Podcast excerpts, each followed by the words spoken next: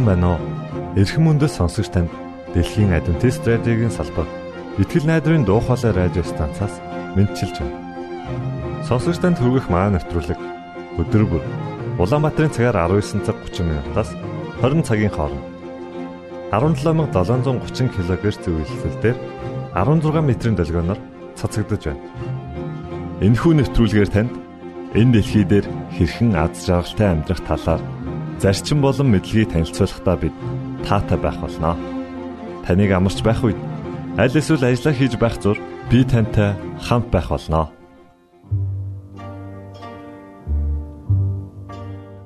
Өнөөдрийн дугаараар та бидний эрүүл мэнд юу бодож байгаатай маань холбоо хамааралтай юу гэдгийг олж мэдэх болно. Харин уран зохиолын цагаар Арчи хүүгийн багын мөрөөдөл түүний гэр бүлийн хүмүүс хэн байсан? Мөн түүний амьдралын талаар хамтдаа сонсох болно. За ингээд танд нэвтрүүлгүүдэд хүргэж байна.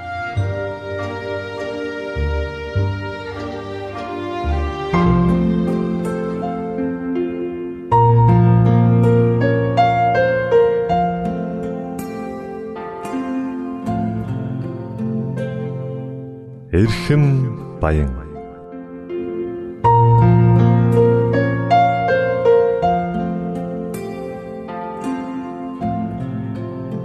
эрүүл амьдрах арга ухаан зөвлөмж тайлбарыг хүргэдэг эрхэм баян нэвтрүүлгийн шин дугаар эхэлж байна.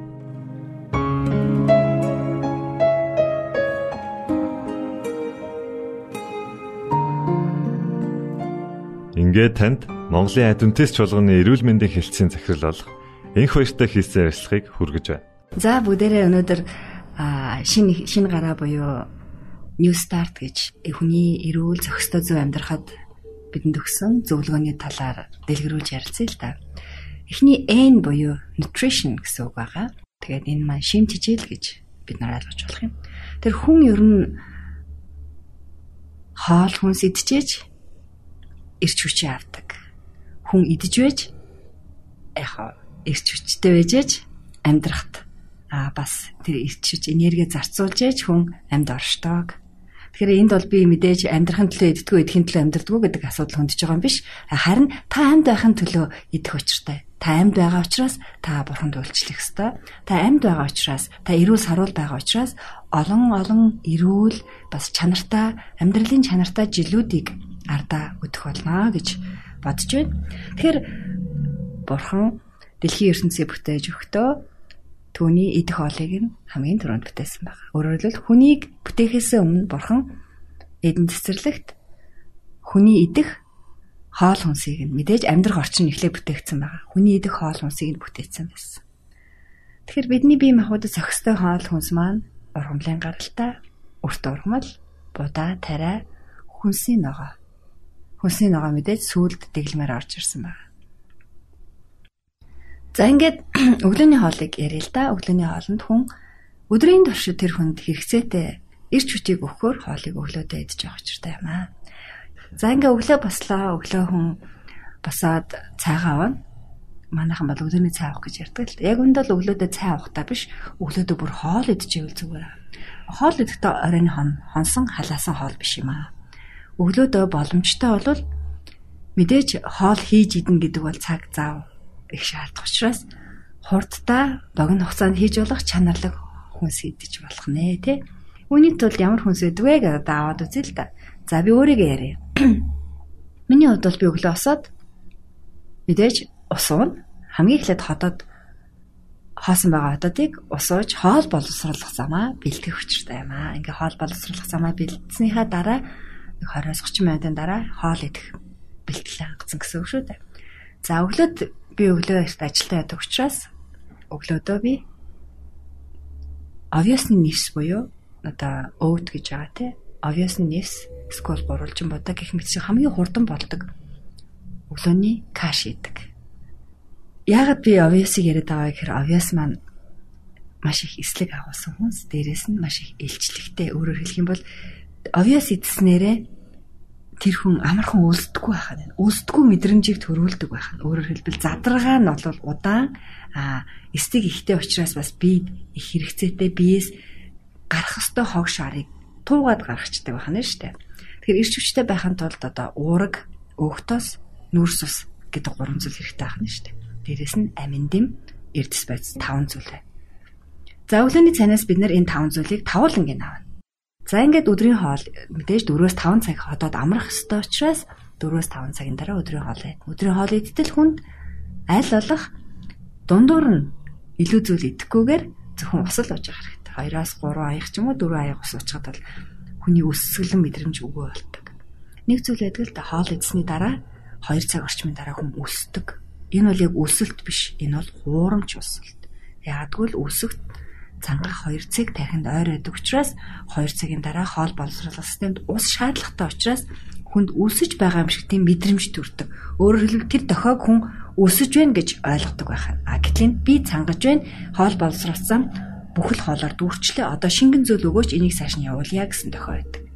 Энийгээ бид нар мэдээд авчих юм бол яах вэ? Өсөж байгаа биш харин юу байх нь? Цангаж байгаа юм байна гэд ус уух хэрэгтэй. Өдрийн хоол 4-5 цагийн дараа гэхээр бид нар өглөө 7:30-д идсэн болвол 12:31 1 цагийн орчимд өдрийн хоол иднэ гэсэн. За өдрийн хоолнд харин идэх ёстой хоолныхаа бас нэлээд ахиу хувийг өглөөний хоолыг хамгийн ихээр өдрийн хоолыг өдөрт идэх 24 одоо юу гэмдэ өдөрт идэх хоолыгаа 100% гэж авч үзэх юм бол өглөө бидний идэх ёстой хоол маань өдрийн 100 хоолны 3-ны одоо 3 хуваахад 30 хэд 30 хэд хуваар идэх ёстой. Өглөөний хоолнд түүнээс илүү 40 орчим хувийг идэх ёстой болчихж байгаа байхгүй юу? За тэнгуут өдрийн хоолндоо бид нар 60%-ийнхаа бараг дахиад 30-аас 40 орчим хувийг идэх хэрэгтэй. Өдрийн хоолнд илүү бас өглөөдөө илүү их эрч хүчтэй хоолоо авчлаа. А өдөр бас ойролцоог авчиж болно. Зарим хүмүүс 2 удаа хоолдог. А тийм тохиолдолд өнийг 40 50 40 60 50 50 ч юм уу гэж хувааж идэж болох юм байна. Тэгэхээр хүн үнийг яаж төсөөлж барагцаалах вэ гэх юм бол өглөөд нэг аяга овёсны агшаамлаас хүн тэгээд эдсэн хоёр талах нэг алим ч юм уу жоохон самарнаас өдөрт авах хөстөө 1800 ккал илчилгийнхаа дийлэн хийхин авчих хөстөө үргэлжлэл 700-аас 800 ккал гэх юм уу тий. Тэгэхээр өдөр хүмүүс их хүчний хийддэг. Яагадгүй л их хүчний ажил дээр ирсэн байдаг учраас гэрээсээ хоол авчираад халаагаад иддэг. Аа бас хоолны газараа хоол иддэг. Тэгвэл өдрийн хоолнд юу байх хэвээр вэ? Нөгөө уураг, өөхтөс, нүрсөөс эрдэс байдас бас аминд. Бид нар ерөөсөл 5 зүйл идээд байгаа байхгүй юу? Харагдах байдлаар өөр боловч идж байгаа зүйл маань бидэнд энэ тавыг л өгөх хэрэгтэй юм байна. За энэ тав маань өшөө задарнаа амин хүчил болно гэд бүр нарийн задаргааны төвшөнд ингээ бид ороод задрах төвшөнд ярих юм бол нэлээд хэцүү. Тэгэхээр өдрийн хоолнд бид нар нөгөө таван зүйлээ идэхдээ өөр хэлбэрээр итгэнэ штэ. Будаатай хоорох, төмстэй хоорох шиг юм уу те. Яг адилхан тэн дотор төмсөн дотор будаан дотор адилхан нөөц сусал байж байгаа. Тодорхой хэмжээний илчлэг уураг байгаа. За тэгээд энэ бүгдийгээ зохицуулаад мэдээж би бүх хүмүүсийг яг ийм хоол идэх ёстой, тийм хоол идэх ёстой гэж одоо хэлж болохгүй. Харин би өөрийнхөө тухай ярьсан тийм ээ. Өглөө би авьяас идэх. За өдөр би юу иддэг вэ гэхээр өдөр би боломжоор а ер нь хөвчлэн ямар нэгэн хэмжээгээр түүхийн ногоо оруулахыг их боддог. Салаадны навч гэж ярьдаг. Салаадны ногоо навчнууд бүр их харагдахаар. Яг бол хүний сэтгэл их зүйл хараад ингээд цаддаг юм байна л та. Тэгээ нэг жоохон за энэ өдөр идэх хэвээр өөрөөр хэлбэл хүний өдөрт идэх хэвээр махны хэмжээг бол шүдэнсний хайрцаг шиг хоёр л байх хэвээр байхгүй юу? Бүхэл бүтэн өдрийн турш идэх хэвээр норм. Шүдэнсний хайрцаг 1 см-ийн зузаантай одоо нэг хэдэн сантиметр 5 5 харьцах нь 4 харьцах 5 ч юм уу тий. Тийм хэмэл идэхэд хоёр удаа хоёр шиг гэл идэхэд тухайн хүний өдрийн махны хэрэгцээ Тэрийг ингээд тавьчих. За өдөр чи махны хэрэгцээ гэх нэг хоёр жижигхэн төсөнд аюу тавьчих юм бол хүн цадахгүй шүү дээ. Өө ямар жоох юм бэ гэдэг. Нөгөө сэтгэлэн цадахгүй. Тэнгүү тэрийгэ маш их ногоогоор навчаар ингээд нэвсэл нь очих нь шүү дээ. Хажууд нь төмөс тавих нь байна. Бутаа тавих нь байна. За ингээд бусад өөр зүйл тавих нь байна тий. Ингээд би хувьдаа бол мах иддэг л дээ. Аа махыг орлсон махнаас авах ёстой шимт бодисыг өгдөг өөр хүнсний бүтээгдэхүүн байна. Жишээлбэл шошнууд байна шар бурцгийн бүтээгдэхүүнүүд байна. Жишээлх юм бол дөпү шар бурцгаас гаргаж авсан махнууд байна. Хиймэл мах гэж ярьдаг тий. Тэг яг л үнтэй адилхан. Энэ бүх зүйлийг би өдрийнхөө хоолноосоо авах нэ. Өөрөөр хэлбэл өнөө таван зүйлээ өөр хэлбэрээр би авч идэх нэ. Тэгэхээр мах маань болохоор яг хүний бие тэр нэ 5 зүйлсээ юуг нь өгч байлаа. Хүмүүс ягаад дандаа махыг голчлоод байдаг тэрийг. За мах маань уургийн агуулмж өндөртэй хүнсэнд ордог. Маханд маш их хэмжээний уург байхаас гадна өөхтөөс ус байдаг. Яг бол амтны гаралтай бүтээгдэхүүн учраас. За Тэгэхээр махыг орлуулж болох хүнс гэж хэллээ тий. Сая овья, борцог, тэгээ янз бүрийн шашнууд байдаг. Тэгэхээр эдгээр нь мөн бас уургийг өгдөг гэсэн. Аха эдгээр маханд байгаа уурагтай харьцуулах юм бол дүүцэж очихус хэмжээний уургийн агуулмжтай хүнс. Жишээлбэл брокколи гэхэд махтаа бараг дүүцэж очихоор. За улаан шуш махтаа дүүцэж очихоор. За бүр шар борцог гэж байгаа бол махнаас хайв илүү их хэмжээний маш хүний бие дороод маш зөөлөн задарч чаддаг уургийг агуулдаг. Аа яг түн маханд орчдөг вэ гэхээр мах маань өөрөө за энэ бол нэлээд тийм бодвоштой асуудал махсдаг тэг хүмүүс мах идэхгүй болчоор яагаад махсаж байна? Тэгэхээр энэ тодорхой хэмжээний яг тамхитай тамхи татдаг байж байгаад гарахаар татмаар эргээ санагддаг нэг тийм үе ирдэг. Үнтэй адилхан мах иддэг хүн байжгаад маха багсгаад махнаас гарсан хүнд мах идэхгүй хонсны дараа ингээд мах идмээр болоод болохоо байдаг. Энэ хоёр бол яг адилхан нөгөө хамааралд орсноос хамааралд өөрөө л нэг бодисоос хамааралд орсноос өгж байгаа сөрөг одоо тийм мэдрэмж гэж хэлэх юм уу да. Тийм зүйл withdrawal syndrome гэж ярьдаг. Тэгэхээр мах иддэг хүн шууд махнаас гар гэж би болоод хэлж байгаа юм биш. Яг багсгаж болно. Аа өөхт өөхийг асаж асах маягаар маха махныхаа идэх хэмжээг багасгасаар тий өөрөөр шүдэнсний хайрцаг шиг хоёрыг л өдөртөө идээд байх юм бол яг болж байна л гэж үзэж. Гэхдээ та илүү урт эрүүл байхыг хүсэж байгаа бол эрүүл мэндэ илүү их анхаарахыг хүсэх юм бол аль болох амтны гаралтай бүтээгдэхүүнээс татгалзаарай. Яагадгүй л тэндээс авдаг уураг тэндээс авдаг өөх тосноос илүүтэй эрүүл өөхтөс уургийг агуулсан ургамлын гаралтай хүнс байдаг юм байна. Үүний нэг нь шар бурцаг, бусад төрлийн шош, шар бурцгийн бүтээгдэхүүнүүд. Тэгээд дөпү шар бурцгаас гаралтай бусад төрлийн сүү а бас одоо шар бурцгийн тараг хүртэл ийдсэн байна. Ингээд мөхөөлд сүртэл байна. Бүх зүйлийг гаргаж авч болж байна. За ингээд дахиад 4-5 цаг амарлаа тийм үү? За энэ хооронд юу хэрэглэх вүлээ? Услуу тийм ээ?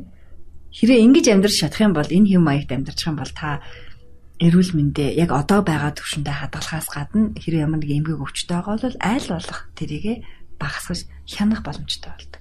За оройн хоол айл болох баг болно. За одоо бид нар өдөр өглөөний хоолнд хэдэн хувь идчихв? 70 80 орчим идчихлээ тийм үү? Бараг 80 орчим 70 гараа явчлаа шүү дээ тийм ээ. За бол 20% гэхээр нөгөө юу байх вэ? Маш бага юм байна дээ. Тэгэхээр тэр 20% айл болох хөнгөн хүмүүс байл зүгээр чимэс эсвэл салаад ч юм уу.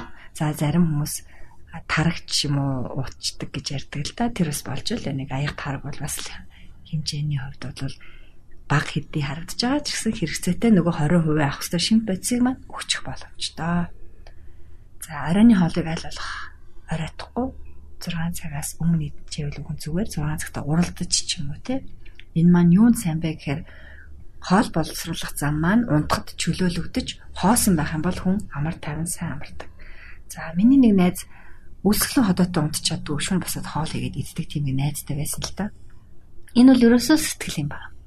Тэр ходоод өсөд байгааг тэр хүн яагаад анхаарад байгаа юм бэ? Анхаарлаа өөр зүйлд хандуулж байна. Тэгэхээр хүний уурах тарих энэ бүх зүйлийг удирдан хянж байдаг учраас уурах тарихында зөв мэдээллийг зөв тохиолыг өгөх учиртай юм аа уурга тархинда удирдуулж биш уурга тархиа өөрөө удирдах зөв мэдээлэл зөв контрол одоо зөв одоо өөрөө зөв удирдахж ижил а бид нар уурга тархи бодол санаагаа хянана шүү дээ. Тэгэхээр уурга тархи маань би ямар команд өгнө биелэхэд бэлэн байдаг. Тэгэхээр бид нар уурга тархиндаа зөв мэдээлэл өгчөөч хүн өдөрт 3 удаа хооллох зохистой юм байна. Хоол хоорондын зай 4-5 цаг байвал зөв юм байна гэдэг дахин дахин өөртөө сануулж байж дээрэс нь идэж байгаа хоолны маань 30-аас 40% нь өглөөдөө бас тэр орчим хүн өдөртөө хамгийн бага хүн оройдоо байх хэрэгтэй юм байна. За тэгэхээр өглөө 9 цагт ажилдаа явдаг хүн байлаа гэж бодъё тийм үү? За тэгвэл одоо яг хэдийд хэдийд хоол идэх хэрэгтэй вэ гэдгийг бас хоёлаа тодорхойлоо гаргая л да. За тэгээ. За 9 цагт ажилдаа явна. За тэгэхээр мэдээ за гэрээсээ 8:30 гэж гардаг байлаа гэж тийм? За 8:30 гэж гардаг байлаа гэхэд хоолоо 8 цагт хийж идэ. За. За 8 цагт хийж идлээ. 8 цагт хийж идэж хэрэггүй. 8 цагт яг хоолоо амдаа халбагдаж хийхэд тохируулж хоолоо яг идэ тийм үү 8 цагт яг идэ. За тэгэхээр 8 цагт идлээ гэж бодоход дараагийн хоол нь Нэг цаг. хэдэн цагт вэ? 1 цагт тийм 4 5 цаг гэхээр Тийм. 1 цаг 5 цаг. За 1 цагт идлээ. За дараагийнх нь хоол нь тэгвэл 6 та уралдаж байгааз. аа за үнэхээр яг Тийм. байна тийм үү? 6 та уралдаж байгаа. Оройныхоо хоолой 6 цагта уралдаж. Хоол хүнс гэдэг маань хүнд их чухал амьдрахад одоо хэрэгцээтэй зүйлийн нэг юм.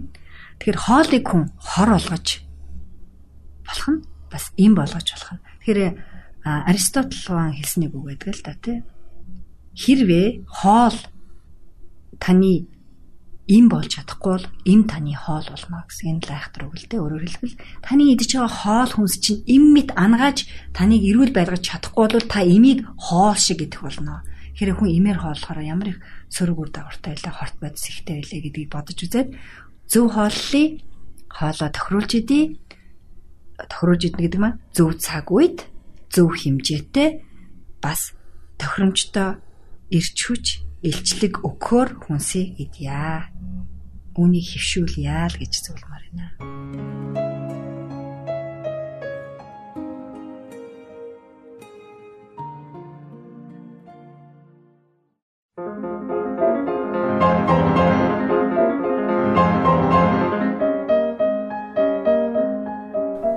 Уран зохиолын цаг.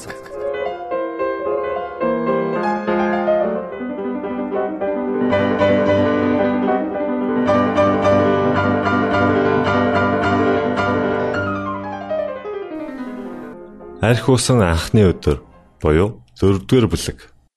Василийн дахин 1911 оны 6 дугаар сарын 22-ны өглөө зуны анхны өдрийг зарлах мэт онготоход Арчи эртлэн сэрв. Энэ өдөр Арчигийн хувьд Шиповиких гэдэг айлыг ахлах анхны өдөр байлаа.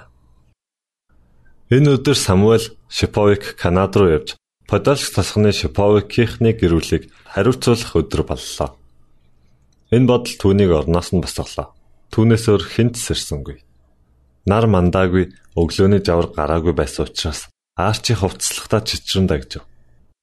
Өнгөрсөн шөнөө сэтгэл хөдлөсөн үйл явдлаас болж дүүндэр нь газар хаа хамаагүй унтсан учраас дэгэнцэн догонцон хаалга руу ойртов.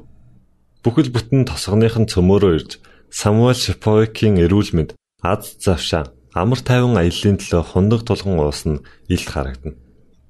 Лага унтрааж шүн дунд унтахаар зэхэж байсныг Арчи санав.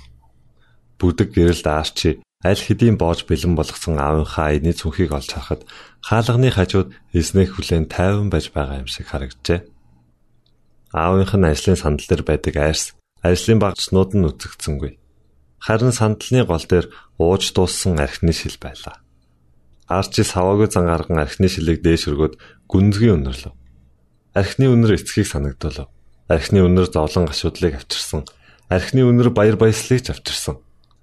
Тэрээр улаан өндөгний баярыг саналаа. Аавч архийг өндгөөр даруулсан докторч бас зуул сарын баяраар цөм тосгоны гудамжаар алхаж дуудуулан бие биенийдээ айлчлан зочлуулж арх уудаг байсныг санав. Баяр ёсол хурим найрын үеэр аав нь хүн болгоны анхаарлыг татаж ямар их бахархалтай байдаг байсныг ч бас санав. Аав нь инээж, наргиж, бүжиглэн өсрөн цогчин, өсгийгөөрөө товшин бүжиглэн байгаа нь нүдэнд нь тодхон харагдлаа. Бас санаанаас гардгүй нэг зүйл гэвэл Самуэль Арчиг дээш нь өндөр шидэн байж авдаг байсан. Тэрхэн үед Арчи аавыгаа маш их санана гэдгээ ухаарч үүнийг үл ойшож явснаа мэдрэв. Яагаад ч юм тэрээр тэр бүх сайхан мөчүүдийг үргэлж хадгалж явсан гэж бодов. Энэ бүх хүсэлдээ автагдан Арчи архины шавх руу хөнтөрч орхив. Аимшигтай гашуун арх хоолойг нь зүсэн орлоо. Хөө аав яаж юм юм уудаг байна гэд Арчи барьж байсан архиныхаа шил рүү ярван харав. Унтаж буй бусад хүмүүсийг сэрчихгүй тул архины шилийг ширээн дээр болгоомжтой тавив. Тэгээд дэгэнцэн догонцон халуун фишингийн дэргэд очиод дулаацав. Хаалтыг нь сөхөөд халуун нүрсний дээр гараа тарьж дулаацуулж эхэллээ. Тэгээд газраас хэдэн мод аваад галдаа нэмээд дараа нь галаа үлээл гал дүрлцэн аслаа. Гал асах зур түүнийг эцэн бас гал дүрлцэх шиг болов. Гал дүрлцсээр түүний биеийн голоор ямар нэгэн зүйл төөнөж биеийн ч гэсэн аятайхан болоод явчихсан юм шиг санагдав. За энэ ч архиных байхаа гэж тэр бодов. Тэгээд Арчи Пишингийн хаалтыг хагаад хаалга руу дөхөв.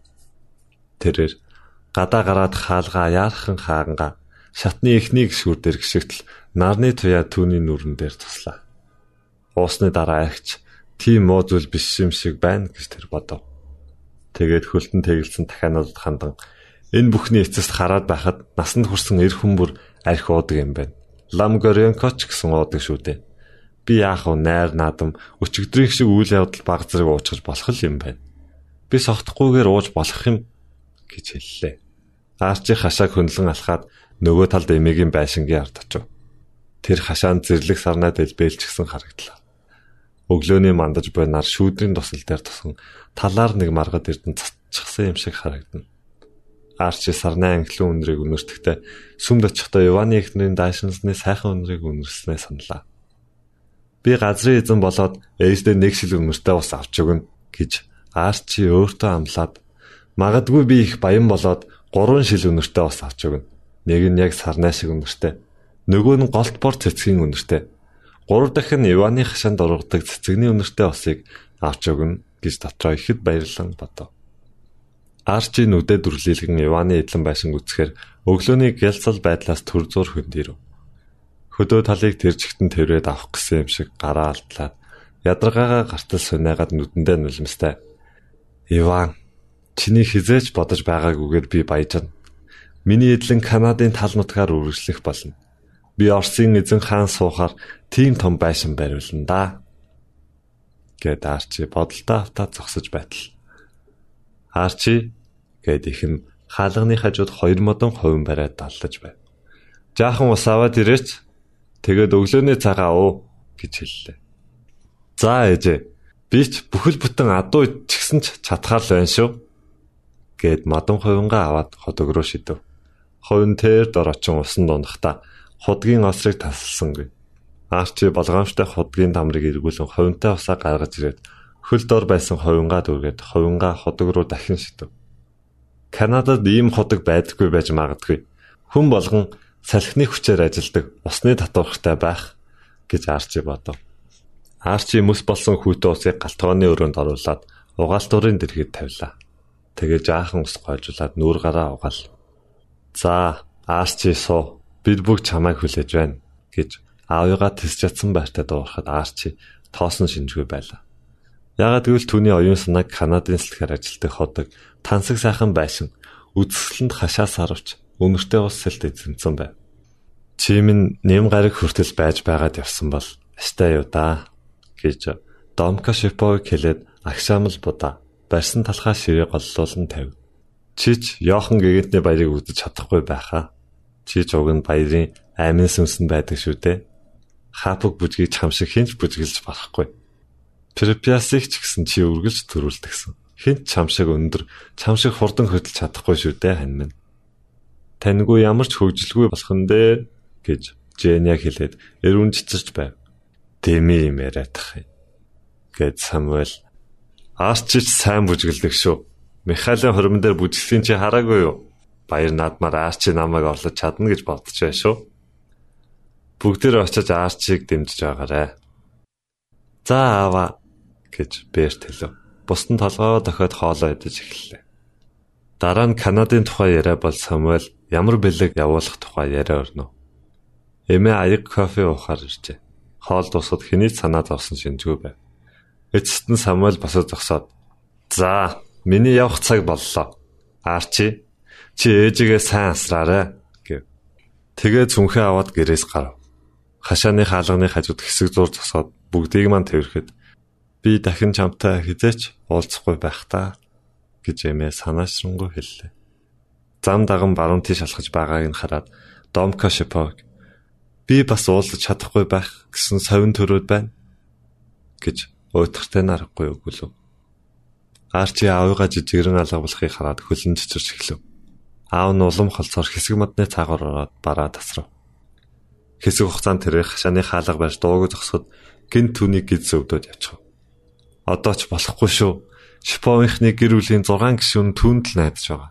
Тэгээд тэр гүнзгий амьсгаа мөрөө тэгслэв. Аарч минь дээ. Аарч минь гэд Домка Шипов ихэр татан ууган хөрүүгээ харлаа. Арчи ээжигээ тавираад бүх юм сайхан болноо ээжээ гэж хэлэхэд түүний хоолоос сөнгөтөрч хөлдөн зүгээр болсон байв.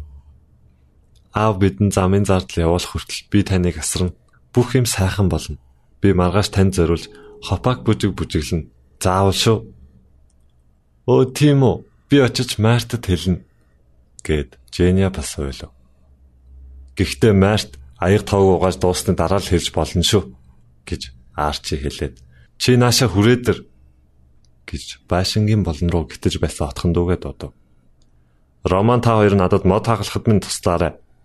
Би мод хагалмааргүй байна. Загас өрмөр байна гэж Роман шалтгаан зав. Тэгтэл Домка Шипо Арчи бүх зүйлийг мэдэх болсон. Ахыхаа юу хэлснийг хий гэд Романыг нуруунд дээр нь зөөлхөн алгатав. Тийм ээ. Арчи энэ гэр бүлийг тэргүүлэхдээ ч сэтгэл хангалуун байв. Арчи энэ гэр бүлийг асарч хамгаалахын хувьд чадах бүхнээ хийн. Маргааш Йохан гэгээдний баярт аавынхаа оронд бүжиглэнэ. Бүжиг болох өдөр тэд тусгай хол хийв. Майр, Женя хоёр төмөс байн шиг уулаваа шиг ихийг хийхтэн тусалжээ. Тэд төмсөө чанж болгоод сонгон хийж хүрэн өнгөтэй болгоод дараа нь шаргал өнгөтэй болсон хоор. Тэгээд мах ихтэй байцааны оромог, бяслагтай бин, шинхэн талах, зөгийн балтай боов зэргийг хийв. Роман Берт хоёр загсан эсор галзуухны өрөөндөх түлээний харцгийг дүүргээд ус зөөж авчрав. Арчи зорноос зөвхөн баярлалаар өмсдөх хувцас авахд эмээн туслав. Би чамайг аавынхаа хувцсыг өмссөн байхыг чинь харгасан гэд эмээ хурдан хөдлөн хувцсан дотроос харангийн өмд цагаан сарл ханцуудад цамц гаргаж ирв. Цамц нь хажуу талдаа товчтой хар өмдтэй байлаа. Сайхан зохиж. Нэг өвлжөнгөө нухаж байж наадахыг чинь хийсэн гэж эмээн хэлээд нүдэн гэрэлтэд явчихв. Арчи өнгөрсөн 2 жилийн хугацаанд эмээг ийм баяртай байхыг хараагүй. Энэ хувцсыг хийдэг жил их цасан шуурга болж илээ. Самуэль энэ хувцсыг өмсөд хопаг бүжиг бүжиглэхэд ямар сайхан харагдаж байсан гэж. Тосхондоо л сайхан залган байсан юм да. Эмээ нүдээ анин хэсэг зур болоод одоо аав чинь байхгүй. Маа үнийг өмс Та уран зохиолын цаг навтруулгийг бүлээн авч сонслоо. Дараагийн дугаараар уулзтлаа. Түр баярлалаа.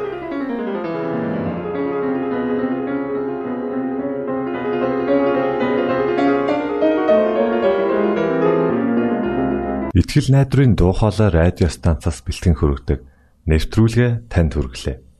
Хэрв та энэ өдрийн нэвтрүүлгийг сонсож амжаагүй аль эсвэл дахин сонсохыг хүсвэл бидэнтэй дараах хаягаар холбогдорой. Facebook хаяг: Латин үсгээр Монгол заавад AWR Имэйл хаяг: mongol@gmail.com Манай утасны дугаар 976 7018 24 9 Шуудангийн хаяг 16 Улаанбаатар 13 Монгол улс Биднийг сонгон цаг зав аваад зориулсан танд баярлалаа. Бурхан таныг ивээх болтугай.